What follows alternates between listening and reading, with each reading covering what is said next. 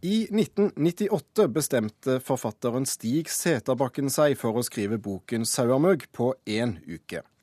14 år senere blir skriveprosessen dokumentarfilm ved produsent Camilla Vanebo.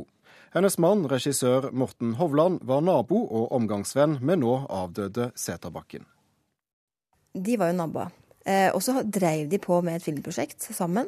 Og så hadde jo Morten da kjøpt seg et nytt kamera. Og så tenkte han dette her er jo en idé.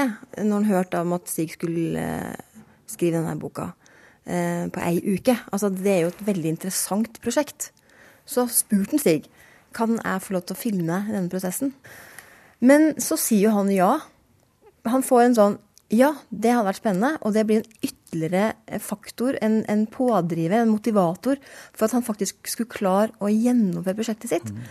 Paret Camilla Vanebo og Morten Hovland i Lillehammer delte på opptakene av forfatter Stig Seterbakkens unike skriveprosess med boka 'Savermugg'. Han skrev den ut i løpet av én uke. Vanebo filmet den første dagen, Hovland resten. Det var jo veldig spesielt, fordi at eh, Ja, jeg var jo nervøs for at jeg på en måte skulle ødelegge arbeidet hans. Eh, men samtidig så merka jeg at han hadde Eh, han var så konsentrert om det han drev med, at, han, eh, at, det fungerte helt fint. Og det var jo veldig spesielt å, å, på nært hold, nærmest over skulderen hans fra dag til dag, time til time, oppleve at han fikk dette stoffet gradvis fram. da. Men jeg opplevde jo òg når, når, han sto fast og når ting ikke gikk så bra, og det var jo hele veien denne risikoen om at alt kunne på en måte falle i fisk og alt være forgjeves. Så det var jo veldig spennende, rett og slett. Mm. Hvordan var han i starten, og hvordan eh, på en måte var han på slutten? Jeg trodde jeg måtte avbryte hele prosjektet jeg, eh, når jeg kom til han eh, andre skrivedag, fordi at da var han veldig dradd i ansiktet og hadde tydeligvis sittet oppe hele natta og ikke fått til noen ting. Og det er klart Han la jo et vanvittig høyt press- og ambisjonsnivå på seg sjøl. Eh, så jeg spurte han jo forsiktig om vi ikke bare skulle avbryte det, og at han trengte Nei, men han, han uh, sa at dette skulle gå bra, og han fortsatte videre. Og det var jo en helt annen stig, uh, og det, tror jeg, det, det syns i materialet nå når jeg har sett på det i ettertid òg, at han Det var som en sånn mørk skygge hadde forlatt han på, på, slutten, når han liksom endelig hadde fått dette til. da. Men så ble det ikke noe mer av filmprosjektet fra høsten 1998. Men plutselig i fjor spør klipper Bård Skafti om de ikke nå skal lage ferdig filmen om Seterbakken. Og da oppsto det lettere panikk, sier Vanebo.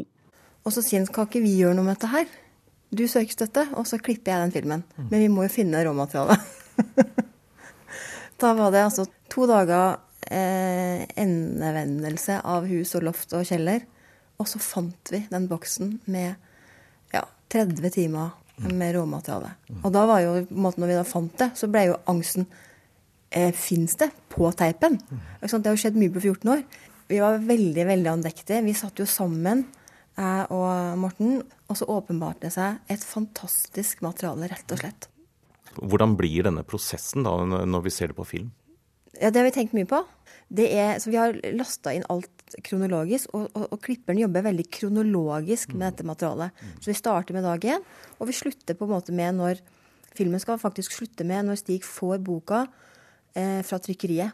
Og da forteller jo han også at han leser bøkene sine bare én gang i sin helhet. Og det er den dagen det kommer fra trykkeriet, før de blir utgitt.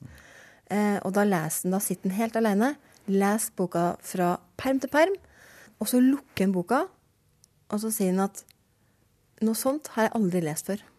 Og det tror vi blir slutten på filmen. ja, Det sa Camilla Vanebo til slutt. Filmen om Stig Seterbakkens Sauermugg vil altså ha premiere på Lillehammer under litteraturfestivalen i mai. Reporter var Stein Skinstad.